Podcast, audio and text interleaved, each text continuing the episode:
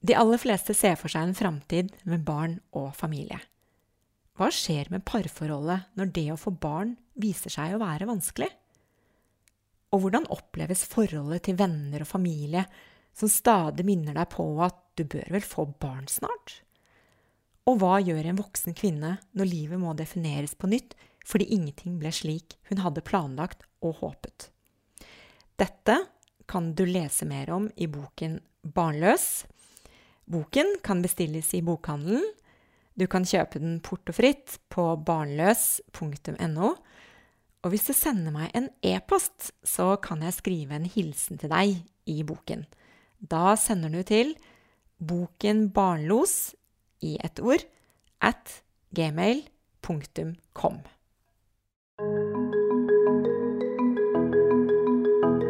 Dette er en podkast om barnløshet.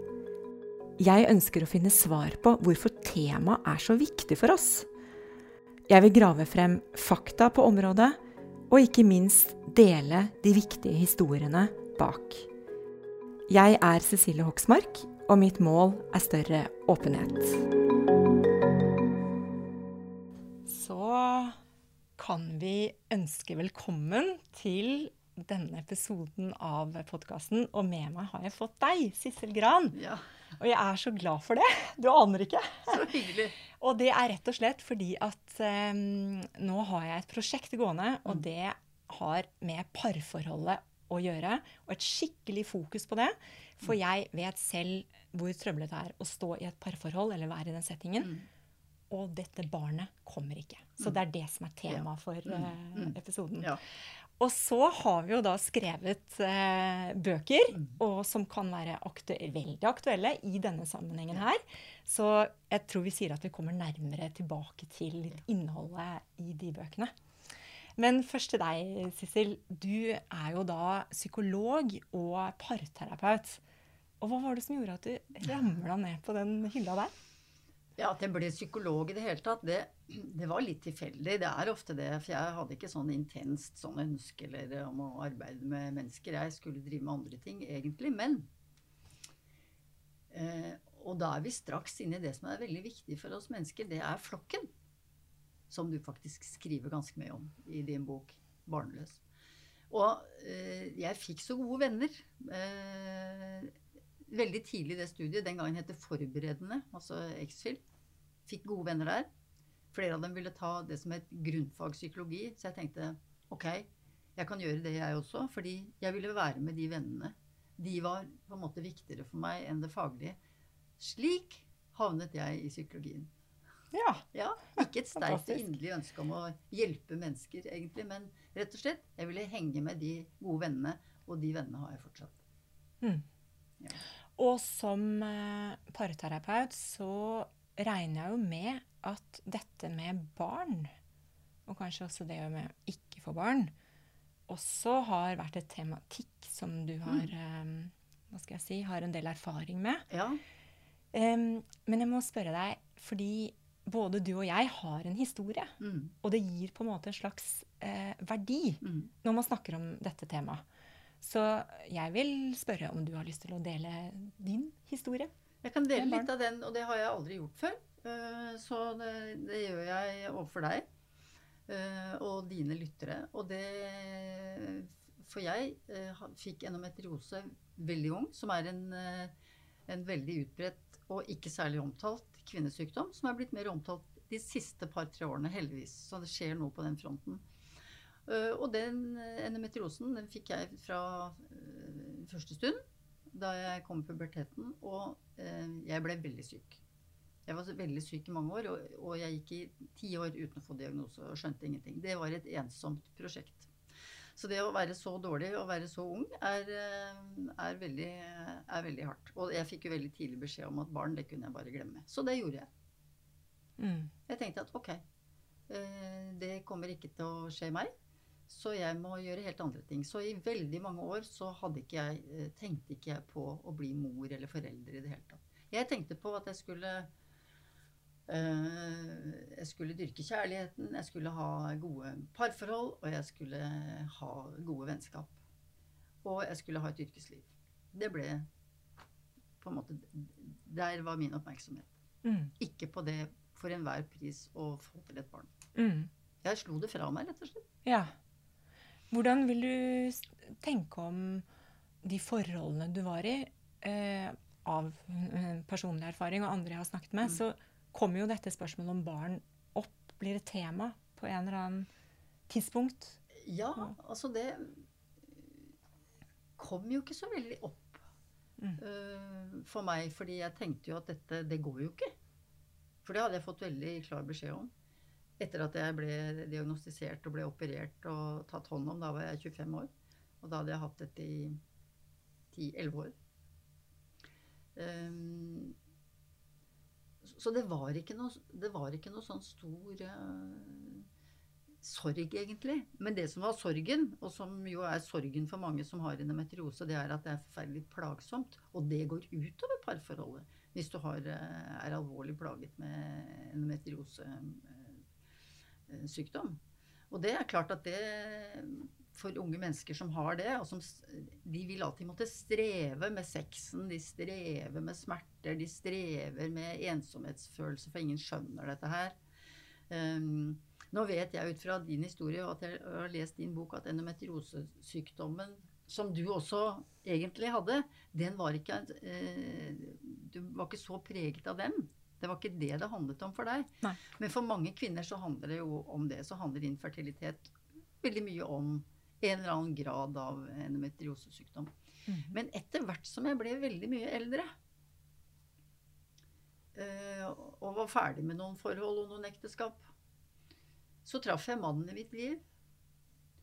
Og da var jeg godt over 40. Og da kan man jo ikke få barn, men vi fikk det. Vi fikk så lyst til å adoptere et barn. Han hadde en nydelig jente fra før.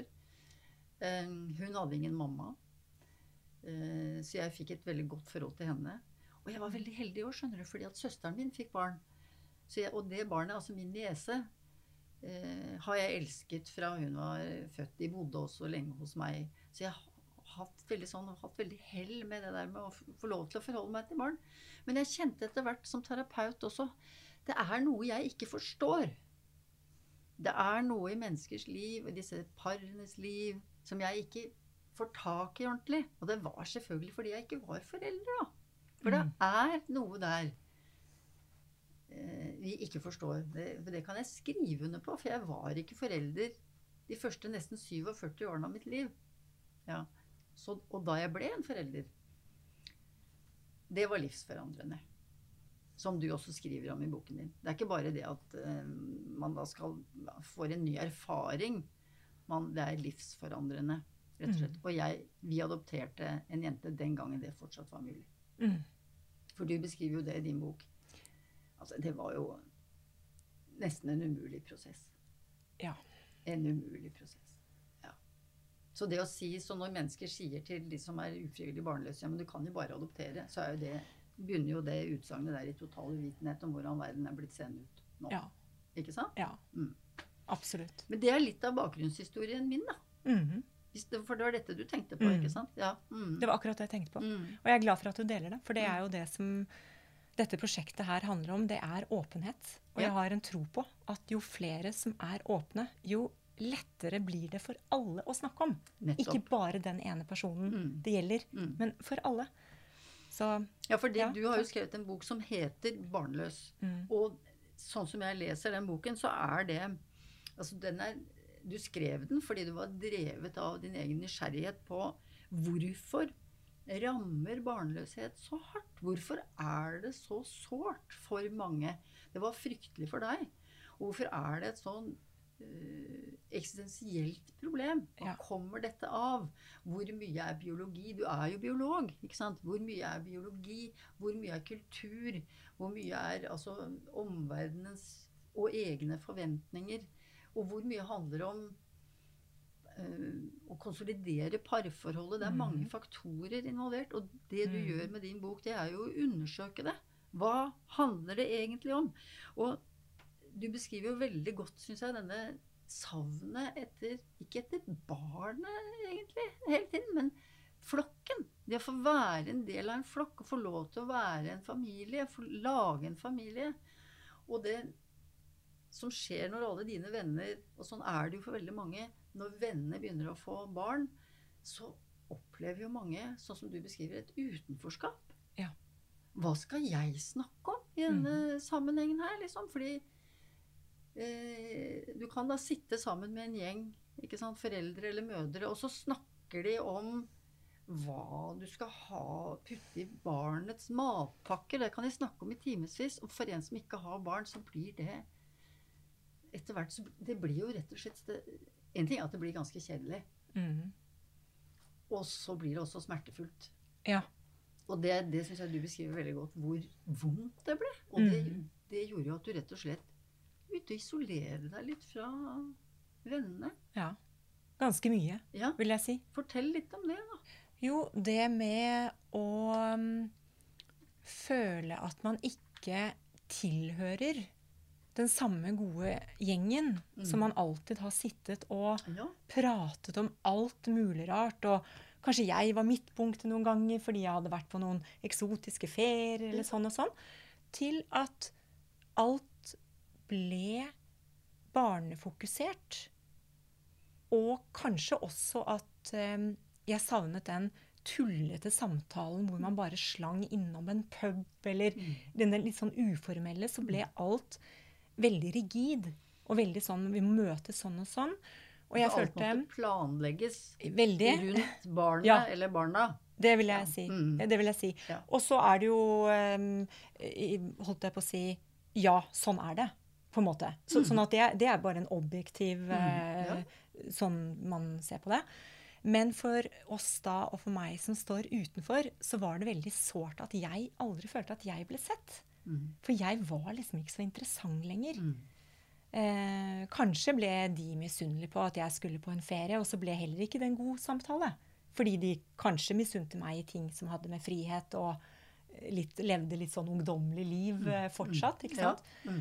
Men det var en eh, isolasjon, og jeg ble også eh, Jeg er en ganske sosial person, men jeg har nok begge deler i meg. Men jeg er veldig avhengig av det gode sosiale livet og setter veldig pris på det. Så det å på en måte bli eh, satt til siden og liksom frarøvet det, uten at det var noe jeg kunne noe for, og som jeg faktisk strevde veldig mye med, Mm. begge de delene på én gang. Det syns jeg skapte Mm. mye ja, vonde samtaler og Men det var jo også sånn da for deg, og sånn er det jo for mange som da ikke har barn, og som sliter med å få det til. At de sier ikke det til vennene sine når man sitter rundt bordet med vennene. Så sier jo ikke folk Kan vi ikke være så snill å snakke om noe annet, da? Dere, eller kan dere ikke spørre meg om noe nå, da, dere? Om, eh, eller kan vi, kan vi det er, For det er så sårbart. Og det er for det du også skriver om, og som jeg vet mange strever med, som er i den situasjonen De skammer seg over å ikke ha lyktes med sitt barneprosjekt. Altså Ja. det er både, og det er tabubelagt å bringe det på bane. Og det er jo derfor vi ser at mange trekker seg unna venner og isolerer seg mer og ikke snakker om den tematikken i det hele tatt. Fordi Ja. det er Altså det blir et sånn hotspot som du ikke berører, på en måte. Og det tenker jeg skaper jo store begrensninger i ens liv. Mm. Ja. Og så er det også ganske ubetenksomt av vennene, da. Det kan man jo si. Ja. Jeg var ganske Mm. heldig, tenker jeg, når jeg tenker tilbake både studietiden og lenge etterpå. For faktisk mange av mine venninner og folk jeg kjente som ikke fikk barn. Og det var så, så en sånn flokk vi har vært på tolv stykker som har holdt sammen i alle år, så var det faktisk flere der som ikke har barn. Ja. Og, og vi har jo kjent hverandre i årevis. Altså helt siden 1970-71. Det er lenge. Men sånn at det var Så alles liv ble på en måte interessant. Også det barnløse livet. ikke sant? Hvor, hvor, øh, og det tror jeg nok at veldig mange ivrige, særlig unge foreldre, kan glemme. Mm. At de glemmer å inkludere da Mm. sin barnløse venninne eller kamerat. Mm. Mm. Og, det, og da sitter da den barnløse der og skammer seg ikke sant, over å være annerledes og føler seg At du har liksom svikta både kulturen og biologien. Sånn at Ja. det er et svært eh, og vondt Du sitter der med et sånt ordentlig stort sår, altså. Mm. Mm. Det beskriver du veldig godt, syns jeg, i Mm. boken din. Ja. Mm. Jeg har følt veldig på den skammen, Mm. og eh, tenkte på det når jeg kjørte hit i dag, og så skammer jeg meg fortsatt. Ja, kanskje, ferdig med det, liksom? kanskje jeg gjør det. Jeg, Mm. jeg, jeg, vet, jeg vet faktisk ikke helt. I hvert fall så syns jeg fortsatt at det kan være ubehagelig å svare på spørsmålet 'Har du barn?' Ja, for det spør folk alltid om. Alltid. Det er Folk spør alltid ja, 'hva driver du med?' ja. Og da er det jo kjempevanskelig å være arbeidsledig. Det jo, Ja. ligger jo voldsomt mye skam i det også, ikke sant? ja. Eller, eh, eller um, er du gift, eller har du en kjæreste? Nei. Ja, det er også skammelig. Og har du barn? Nei, har ikke det. Ikke det heller. Har ikke det heller. Ja, da er du liksom siste sort, da. er du siste sort. Ja, men Det er jo helt forferdelig. Vi, Ja. vi, vi setter hverandre i en bås Ja. umiddelbart. Mm. Og vi har også bestemt, eh, eller i hvert fall sterke forestillinger på hva som er det normale livet å leve. Mm. Og det hjelper jo ikke at når du kommer fra en familie som er veldig A4, at du ikke klarer å oppfylle Nei, det heller, da. ikke sant? Ja. Så Svikter jo din du- egen familie òg, da.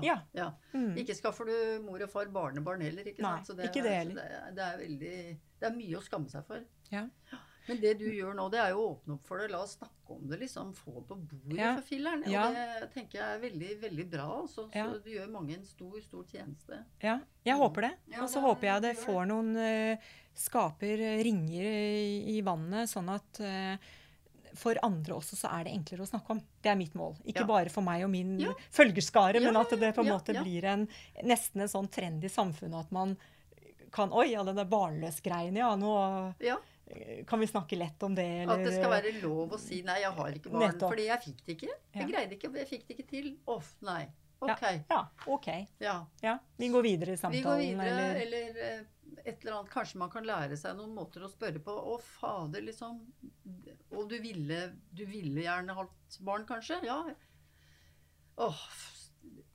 All min sympati går til deg. Men Ja. all min sympati.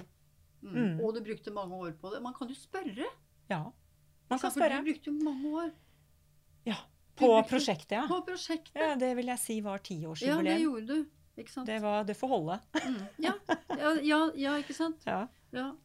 Men um, kan, jeg, kan jeg spørre deg da om hva slags erfaring har du i terapiområdet, eller kanskje venner også, med dette her med viktigheten av dette barnet for parforholdet? Mm. Altså, de som kommer til meg, de har jo trøbbel med det meste. Det er derfor de kommer. ikke sant, så øh, Men mange single kvinner, som jeg også øh, har hatt mye kontakt med, øh, har jo slitt veldig med dette.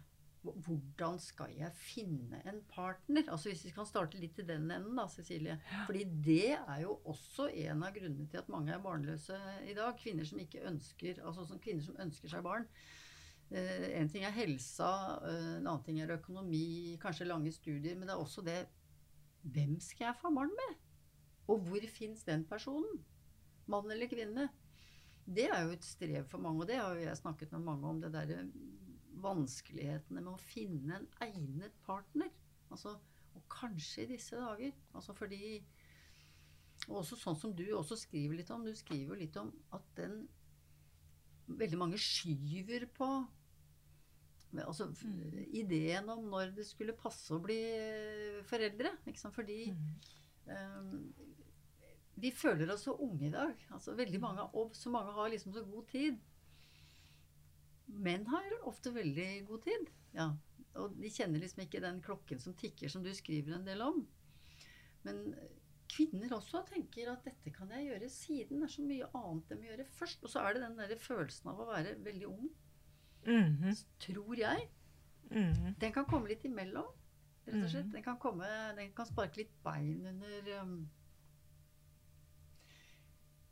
Hva skal vi si Etablerings...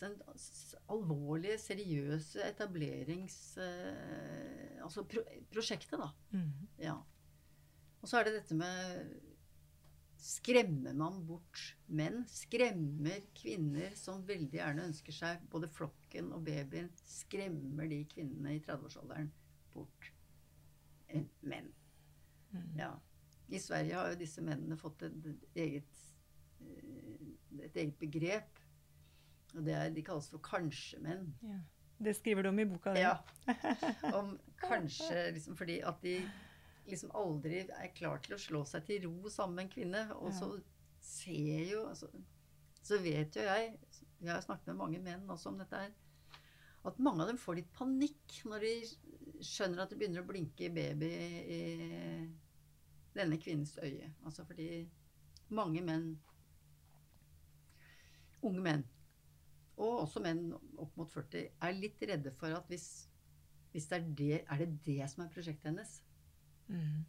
At jeg skal hjelpe henne å produsere et barn? Liksom. Er Ja. det det som er greia?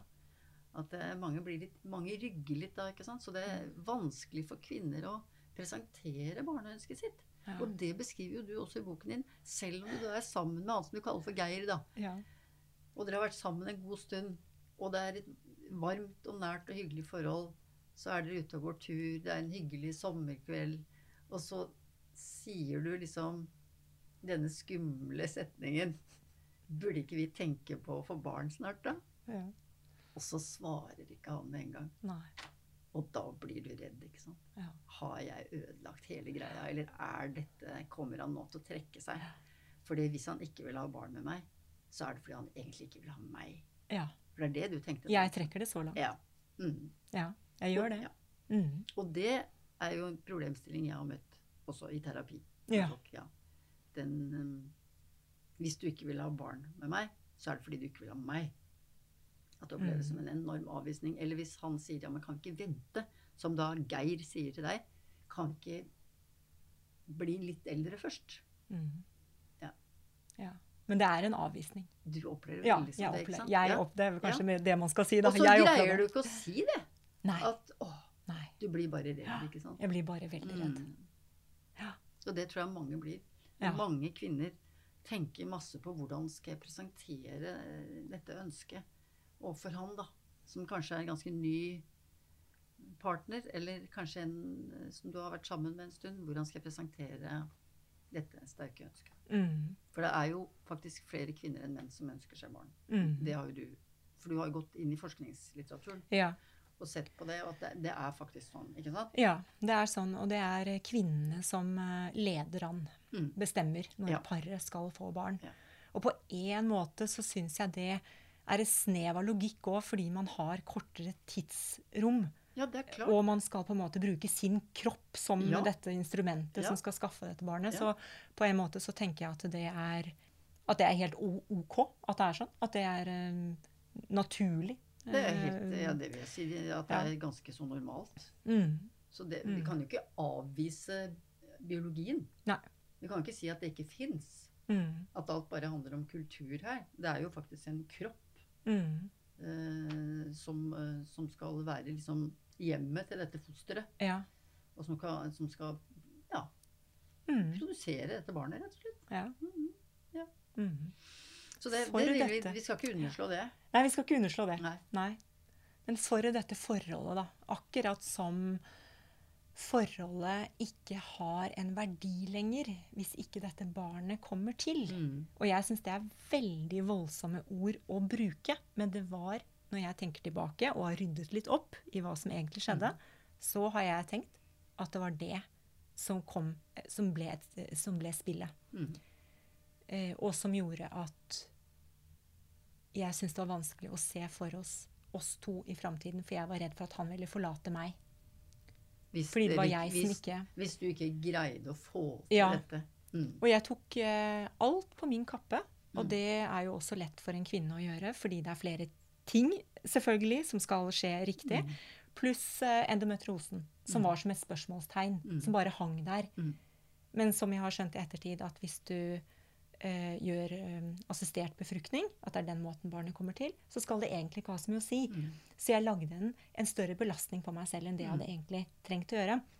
Men fortsatt så tenkte jeg at jeg var en feilvare. Ja. En feilvare, ja. Så selv om jeg Mm. på utsiden så helt eh, normal ut, eh, og at forholdet vårt fungerte, det var på en måte som om det kom, snek seg som en sånn mørk sky som bare Mm. liksom forstyrret eh, alt. Mm. Eh, så jeg skulle gjerne det er sikkert mange som gjør, som har gjort feilgrep, men jeg skulle gjerne ha skrudd tiden tilbake og snakket litt med meg selv den tiden der. Og, og på en måte fortalt at det er ikke deg. Mm. Du må huske på det. Og, og du har en, en fin samboer. Dere Mm. passer godt sammen. Ta vare på det. Mm. De ordene der, de kom aldri. Nei. De klarte jeg ikke å finne selv. Og det var ingen andre som sa det til meg eller oss. Og du snakket ikke med han om det heller? Gjorde du det? Det var så lite fordi Mm. at eh, Hva skal man si om den skamfølelsen? da? Mm. Det er jo en uvenn, da. For den gjør Ja, jo at ja, vi, som du sa helt i starten, det gjør jo at vi trekker oss tilbake. Ja. Det er det som skjer. Ja. Og da er du litt låst, da. Mm. Akkurat. Ja. Ja. Men det er veldig Det er, det er virkelig mm, Det er dramatisk å, å begynne å oppleve seg som en feilvare. At det blir ens identitet. Ja, At det er eh, Jeg duger ikke. nettopp. Og all sånn 'jeg duger ikke'-følelse, det, det, det gir jo skam. Ja. Mm. Mm. Og, og det gir det, Hva skal vi si Det skaper jo frykt for å bli forlatt, som du sier. Fordi jeg er en feilvare, jeg duger ikke så han, Jeg kan ikke regne med at han vil være sammen med meg. Han Ja. kommer til å finne en annen på et eller annet tidspunkt. Et fruk- fruktbart og herlig kvinnemenneske som kan gi han de barna han etter hvert kommer til å få lyst til å få. Ja. Jeg vedder på at du tenkte det. Ja, Mm. gjorde det. Mm. Og hvis jeg eh, ikke tar feil, så er frykten for å bli avvist, den sitter sterkt i oss. Veldig. Så når Veldig. den begynner å trigges, så tenker vi ikke så godt lenger, kanskje. Nei, jeg tror at eh, det å føle seg avvist av den ene og avvist fra flokken, det er kanskje det mest, noe av det mest skremmende for oss mennesker. Ja. Vi er bitte små.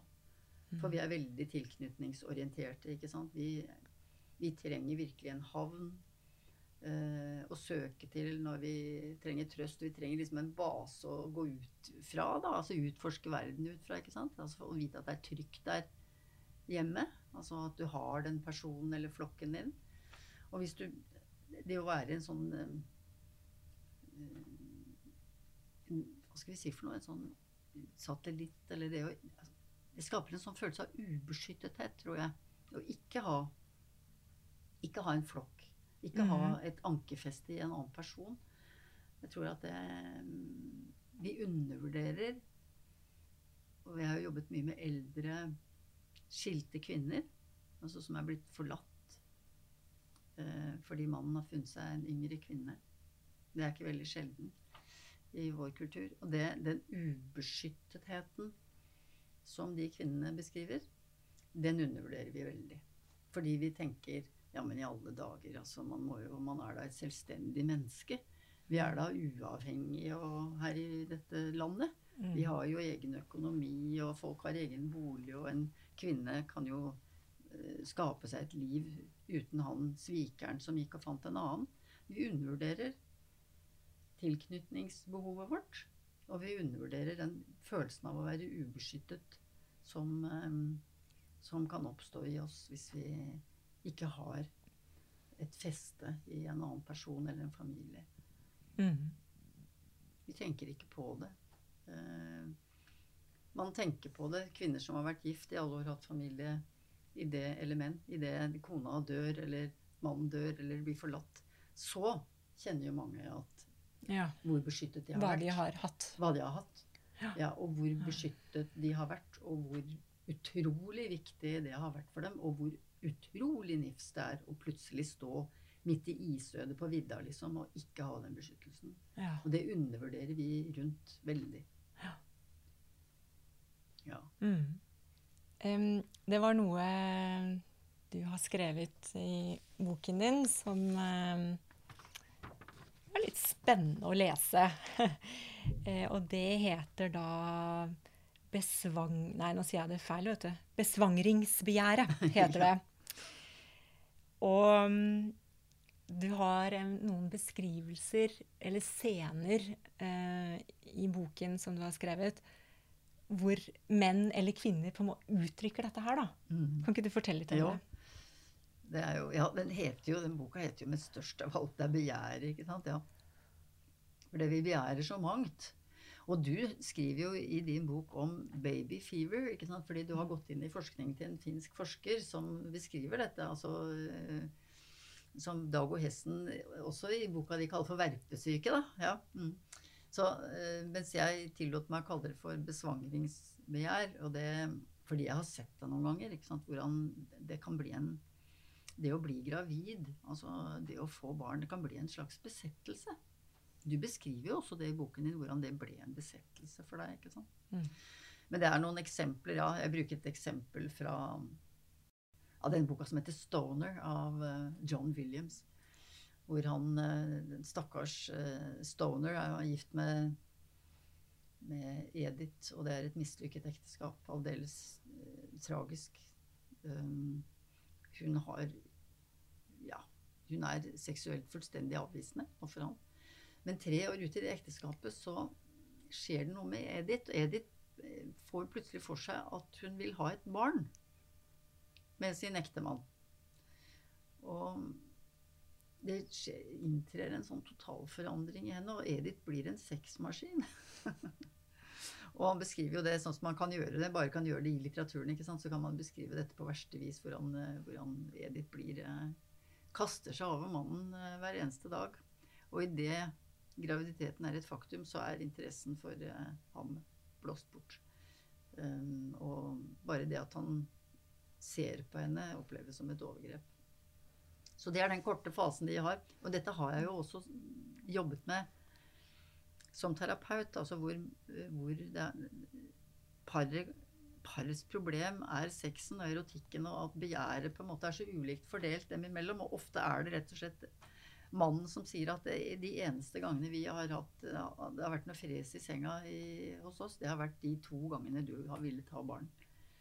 Etter det etter det, og mellom de to ungene, så har vi ikke hatt noe eh, sex i det hele tatt. Så dette Men akkurat for å bli gravid, så har jo da mange kvinner stått på veldig hardt. Altså, og det er det jeg litt spøkefullt kaller besvangringsbegjæret, da. Men det er vel det den finske forskeren også kaller for baby fever. Ja. Ja, noen som Det- ligner på det, iallfall. ja. At man kan bli veldig eh, man kan bli veldig, Det kan bli veldig mye mm, Altså, sex blir et prosjekt Mm. rundt det å klare å produsere et barn. Mm. Ja. Og når man eh, driver med altså, IVF-behandlinger, som du gjorde, Mm.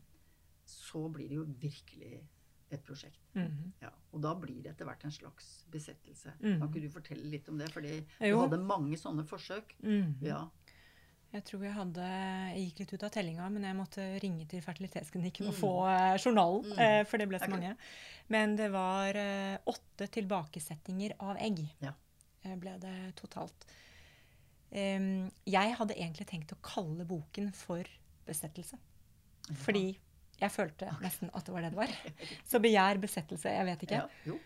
Em, jeg eh, tenker om det som at det sikkert er smart å ha en samtale på forhånd før du trykker på den knappen Mm. at nå går vi videre. Ja. For med en gang du møter opp til en eh, utredning for infertil infertilitet, og du får en diagnose som heter infertil, Mm. da begynner ting å skje. Og vi er jo vant til å behandle sykdommer, og vi skal bli friske. Så det er også en, noe, en sånn prosess som starter. Og det er ingen som stopper deg. Alle tenker at det du ønsker, er dette. Det er denne veien her. Mm. Så um, jeg skulle gjerne ønsket at man kunne fått litt tid til å vurdere dette løpet som man nå sto ovenfor, som ikke er noen garanti. Vi vet ikke om vi lykkes, og hvor mye har du lyst til å investere, og hvor mye har du lyst til at det skal gå utover parforholdet. Mm. Og det syns jeg er et betimelig spørsmål. For det var det ingen som spurte dere om. Og Nei. var det heller ingen som sa dette her kommer til å bli veldig strabasiøst. Ja, nei. Nei. Jeg vet ikke hvordan hvordan det er i dag, men Mm. jeg, jeg håper at man også kan ta med seg det. Mm. For det kommer som et sjokk at det er så problematisk. Mm. Så jeg har en følelse av at det er veldig mye mer fokus på at du skal hente krefter. At du skal være glad. At du skal eh, måte, gjøre alt for at dette skal lykkes. Og tenke positivt. Ikke stresse. Ikke tenke for mye på det. Eh, Det og det, er, det, altså. går ikke, det går ikke opp, ikke sant? Det går ikke opp. Eh, så um, jeg tenker at det er for mye fokus på det, akkurat som at det er bare barnet som kan løse deres problemer. Mm. Det er ingen, finnes ingen annen oppskrift. Og hvor er parforholdet Mm. i den løypa der? Mm. Og vi bare det, det, Dette raknet jo. Det ble jo så vondt, og vi snakket ikke med hverandre, og vi var ikke gode mot hverandre. Eller vi var Du vet, vi ga hverandre ikke mer når, når vi på en måte kanskje trengte det. Mm. Eh, Men det høres ut mm. som dere ikke greide å trøste hverandre. Og så støtte hverandre og trøste hverandre og si til hverandre sånne ting som at åh, vi er to tapre soldater, du og jeg. ja. Og du er den tapreste fordi at du skal gjennom alle, altså som kvinne gjennom alle disse hormonbehandlingene og forarbeidet rundt hver gang med innsetting av disse eggene, for det er jo heller ingen bagatell, ikke sant? Mm. At det var lite av den litt sånn felles eller trøsten og støtten. Og du sa kanskje ikke til ham 'Jeg er så glad for at du er med meg på dette', og at du blir med på dette prosjektet, at det blir så kjedelig med, med altså, den måten å gjøre det på. Hvordan er dette for deg? At det, det liksom virket som om eh, dere ikke liksom snakket ordentlig om hva slags prosess dere gikk igjennom. ja. Nei, jeg, jeg tror ikke det. Mm. Og jeg tror at uh, selv da, selv om dette her nå blir ti år siden og vel så det, så var det akkurat som at dette her var så vanlig Mm. at det var jo ikke noe man skulle klage og syte sånn over. Og dessuten så kunne det hende at det gikk bra neste forsøk, da. Ja, riktig. Så det var ikke at du hadde Nå har dere fem år foran dere som blir skikkelig trøblete. Mm. Hva gjør dere nå? Da tenker jeg at man hadde klart å sette seg ned. Men det var jo mer å holde ut, da. Kikke i kalenderen, jobbreiser, planlegge. Og så, det, og så går det sikkert bra da. Ja, selvfølgelig gjør det det. Og da har vi jo sluppet, da slipper vi jo å tenke noe mer på det. Så du er jo ikke helt forberedt på når det ikke, skal, når det ikke går bra. Mm. Da er det ingen som henter deg opp. Og det, så der kunne kanskje Ikke bare kanskje. Der burde det vært et system. Ja, det er jeg helt enig i. Altså, det er også, jeg tenker det er noen ganger Det er fint at mennesket har mye håp, men noen ganger er håp virkelig fælt. Ja. Fordi det kan eh, holde en besettelse gående. ja. eh, Enten altså, en babybesettelse eller en besettelse etter en person. Altså, det har vi jo sett noen eksempler på, hvordan man kan bli veldig besatt av det fordi man håper at det skal gå bra. Hvis jeg bare gjør sånn, hvis jeg bare gjør slik, hvis jeg bare gjør mer av det, hvis jeg bare oppfører meg sånn. Altså, og det blir jo en um, altså For deg og for mange en, en sånn det blir en sånn tvangspreget situasjon situasjon å være i etter hvert. ja. Altså hvor all livsfriheten forsvinner, og lykken og gleden forsvinner. ikke sant? Ja. Ja. Og skuffelsen er like stor hver gang det ikke går bra. Jeg tror du kladder på mer skuffelse. Mm. Du har ikke klart å eh, Hva skal jeg si Legge det bak deg. Du er, du er ikke tilbake til normalen Mm. når du starter på neste. Du, du, du drar med deg en fortvilelse og en mislykkethet og, og, og sånn, og så møter du opp igjen med det. Så jeg, jeg ser jo meg selv eh, for meg at jeg liksom bare liksom sank fysisk Mm. sammen for hver gang. Ja. Eh, ja. Men, Mm. og, og du snakket ikke med venninner som hadde barn om det? Altså, du sa ikke Veldig dårlig på det, Veldig altså. dårlig på det, for Ja. det er selvfølgelig skam og alt det der. Ja. Og det er jo også så trist at ikke det er at, For det er det du vil nå. Du vil ha åpenhet Ja. rundt det. At man kanskje i mye større grad skal involvere da, gode venner i dette strevet. Sånn at man kan få trøst derfra, sånn at ikke det blir et hemmelig, merkverdig prosjekt man driver med. For man blir jo et hemmelig og rart menneske når man holder på sånn og ikke skal si noen ting om noe. Og hver gang man er på en fest eller et selskap, så skal man da sitte og drikke Farrisen, fordi man egentlig så driver man og prøver å være gravid, men ingen skal vite det. Så man får et sånt hemmelig liv Ja, på siden av alt. ja, Det syns jeg du beskriver veldig godt, nemlig. ja. Og jeg lurer på hva det hemmelige Hva sier man da om relasjoner? Hvis det er noe der du holder hemmelig, mm. eller borte fra den relasjonen, så merkes det. Ja. Så jeg lurer på om hva det egentlig har gjort da, med, med relasjonen til venner. Venner, ja. og, Ja, selv om jeg fortsatt har mange av de vennene Mm. som jeg på en måte har dratt inn i livet mitt igjen Ja. etter at Etterpå, en, ja. en tid har gått. da. Ja. Fordi jeg skjønte jo at det var jo noe mer her Mm. enn at vi bare skulle være venner Mm. i en tiårsperiode. Mm. Så det er jo i og for seg fint at Mm. man har, har den uh, muligheten. Men jeg lurer på om det ble veldig forstyrrende. Og jeg selv husker jo at jeg nesten ikke tålte å få disse telefonene om at Ja, har du hørt at uh, Nå finner jeg på et navn. At Ja. Birgit nå er gravid igjen. Ja, mm. Så hyggelig, og nå blir det en gutt. Mm. Altså, altså, Hvis man hadde tatt det videoopptak av meg da, så hadde, Mm. tror jeg man hadde sett et sånt mørke altså, som bare Ja. hadde Wow.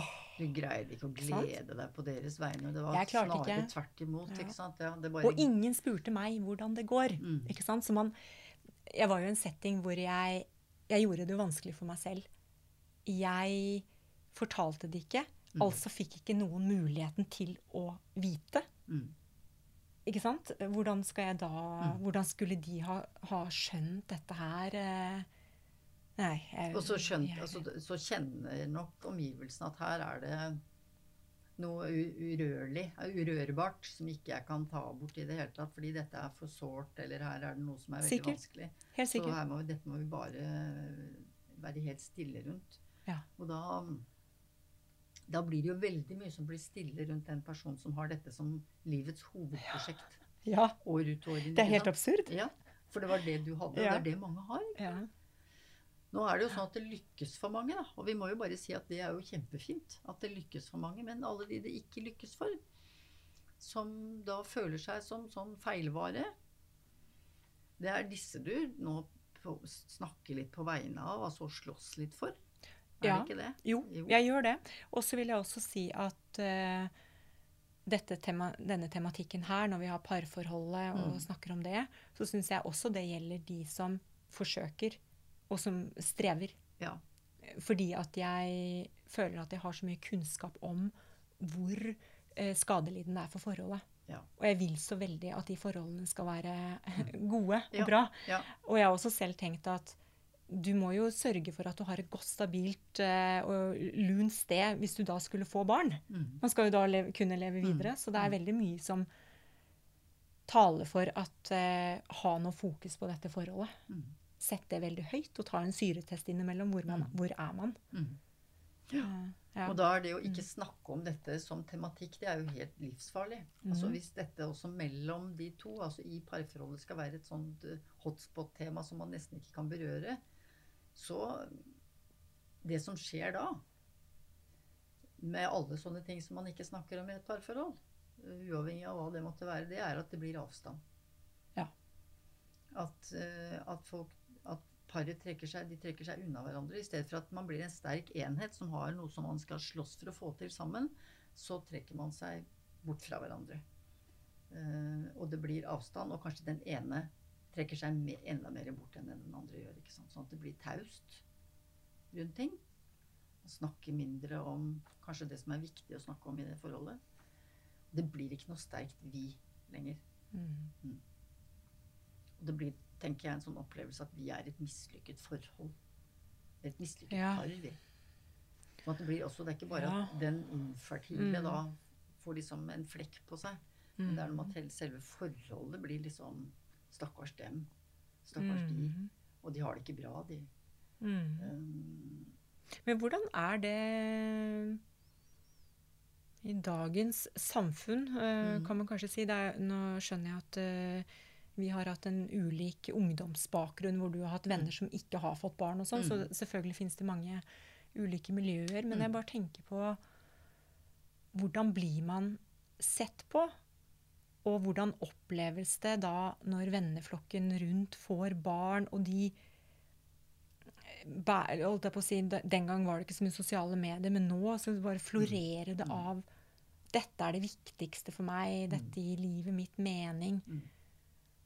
Så har jeg et inntrykk av at det, sånn er det ganske sterkt i enkelte miljøer. Men jeg har ikke hele svaret på. Jeg kjenner jo bare mitt, eh, mitt miljø. Men jo, har du men jeg noe tror det, jo, det er veldig fokus på det. Mm. Og jeg tror det er mye sånn panikk rundt 37 års alder. Mm. Når man da ikke har fått barn, kanskje heller ikke funnet seg en man skal ha barn med. Eh, Jeg tror det er veldig mange mm, som føler at da har de ikke oppfylt sin oppgave på jorden. Um, og det Det blir vanskelig å, å Det blir veldig vanskelig å si f.eks.: Nei, jeg tror jeg ikke vil ha barn, jeg. For der er vi jo også Det er en del som velger det bort. Også fordi, noen ganger fordi at dette ble et helt umulig prosjekt. Jeg fikk det ikke til. Nå gir jeg det opp. Nå sier jeg takk for meg. På, nå vil jeg ikke være med på den dansen mer. Men også noen som sier, uten å ha prøvd så veldig, eller kanskje ikke i det hele tatt, at jeg vil rett og slett Jeg har så mye annet i livet mitt. Eh, så det med barn, det har jeg ikke plass til eller veldig lyst på. Vi har ikke så gode samtaler rundt det der heller, syns jeg. Nei. Nei. Men på et eller annet tidspunkt så, så, så sa du til deg selv eh, nok er nok. Mm -hmm. Nå vil jeg ikke slite med det mer.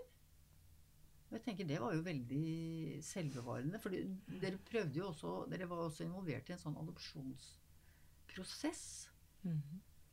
Som jo var den gangen, og som jeg tror nå nesten er verre. Ja. Eh, du skal ikke, det er ikke du som skal ønske deg et barn. Det er ikke for din egen del at du og din partner ønsker å adoptere et barn. Det barnet finnes i verden og trenger foreldre, og du må godta hva du enn måtte få. Det er jo en merkverdig idé. Mm. Det sier vi jo ikke til en gravid person. Du må godta hva enn du Underlig hva som måtte befinne seg i din kropp. Så det, adopsjonsprosessen ble jo avbrutt, forstår jeg, på det du skriver. Ja, fordi vi gikk fra hverandre, Ja. rett og slett. Ja. Det var nok. Eh, det var nok. Mm. Eh, og det kan jeg forstå, fordi at det var liksom det siste halmstrået. Men vi var jo ikke rede. Det eneste som gjorde at vi måtte gjøre det da, var jo alderen. Ja.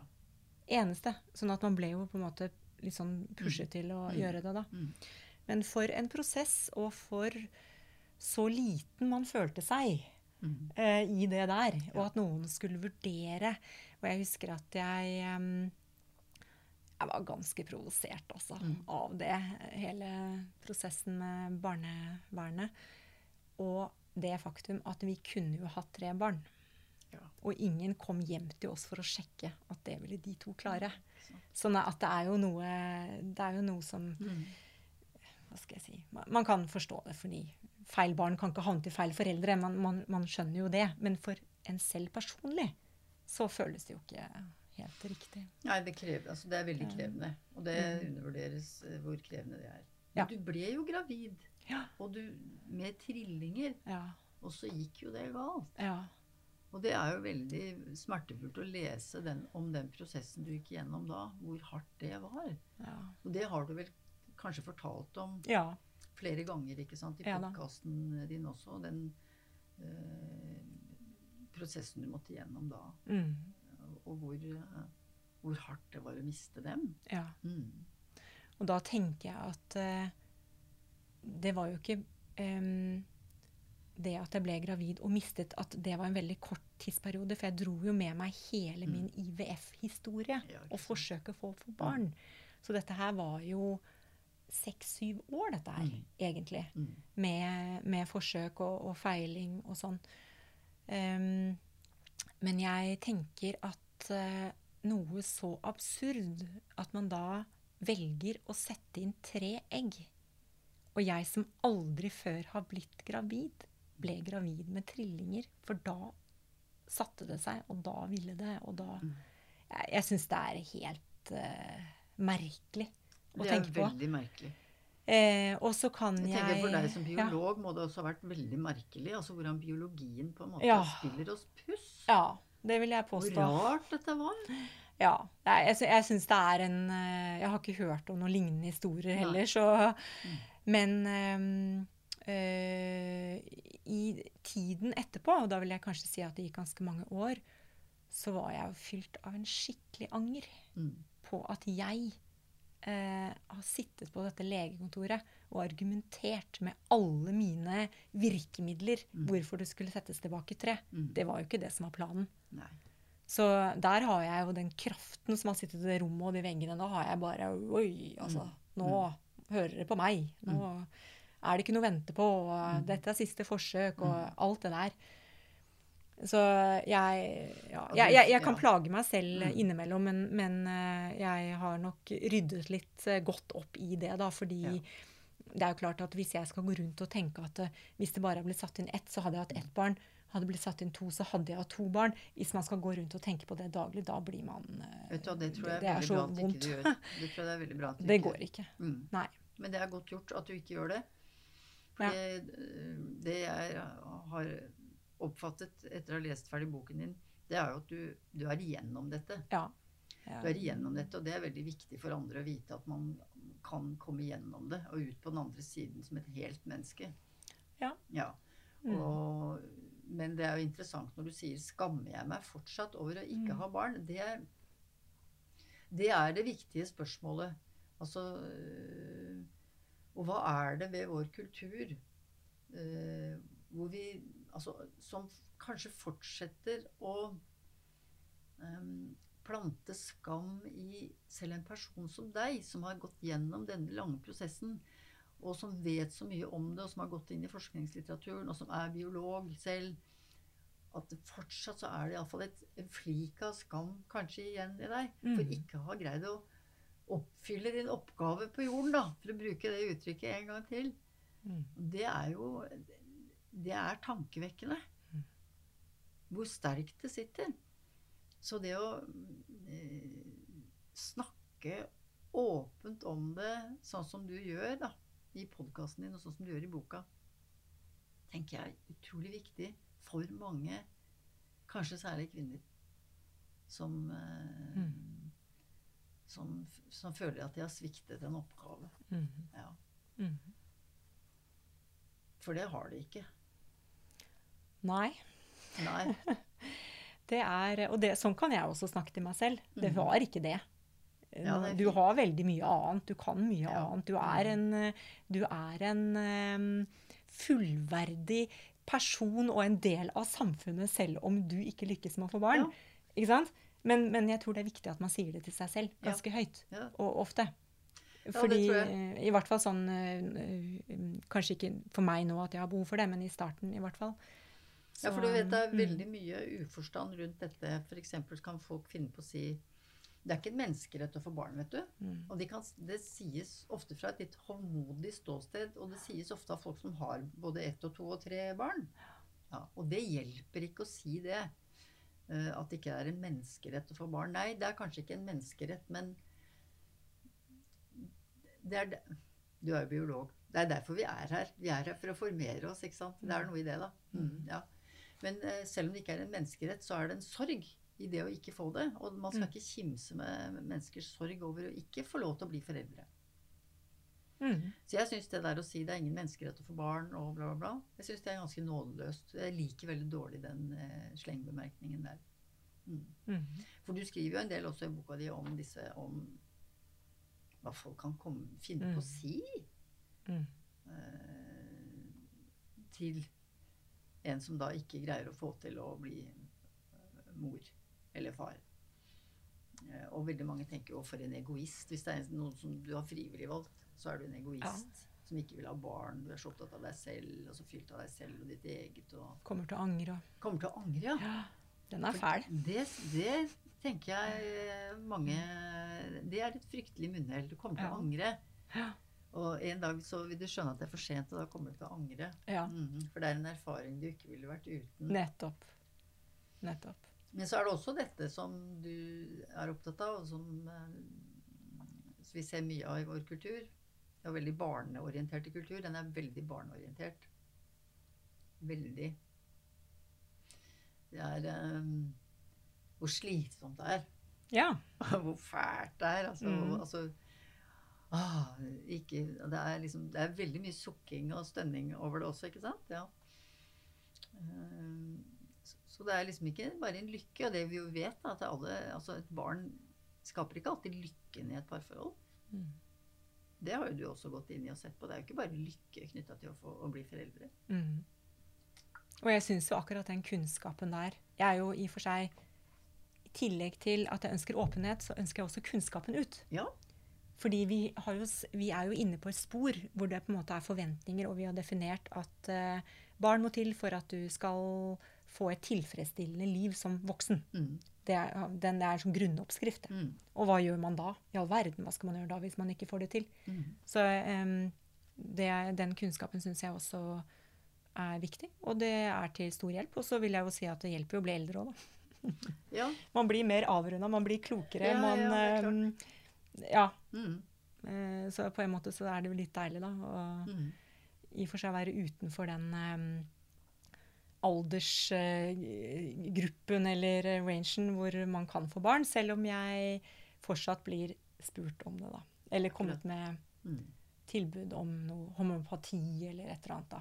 Sånn. Oh ja, for folk kan komme med gode råd med en Ja, pille du kan ta. Og da sånn, tenker jeg jeg er så langt fra det at det blir, Mm. for meg er det bare helt galskap i ørene. Hva, hva mener du nå? Og så tenker jeg jeg får bare lede litt bort, fordi hvis man begynner å vikle seg inn i Jo, men nå har jeg blitt 47 år. Så, jo, men det er jo ikke for sent. Altså, da er man i gang der, da. Så det gjelder jo bare å liksom skyve på det. Mm. Men det er jo De kommentarene syns jeg, på syns jeg er utidig. Det er nå én ting. Men det de også forteller deg, er jo at du kommer til å få det mye bedre hvis du får barn.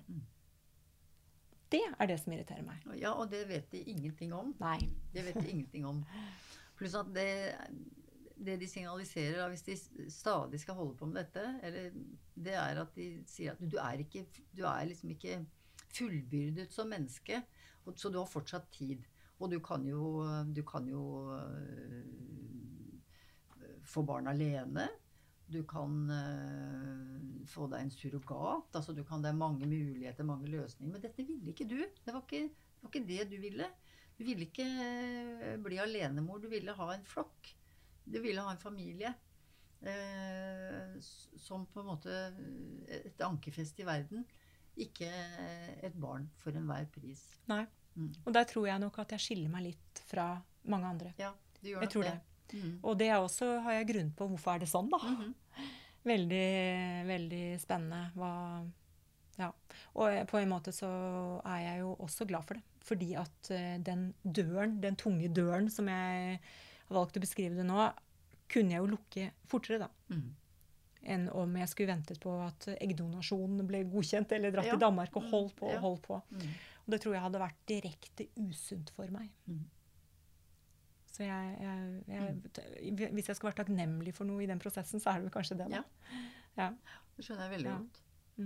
Det som skjer i mange parforhold, vet du, det, det har du jo sett på også, det er jo at når barna kommer, så går begjæret fløyten.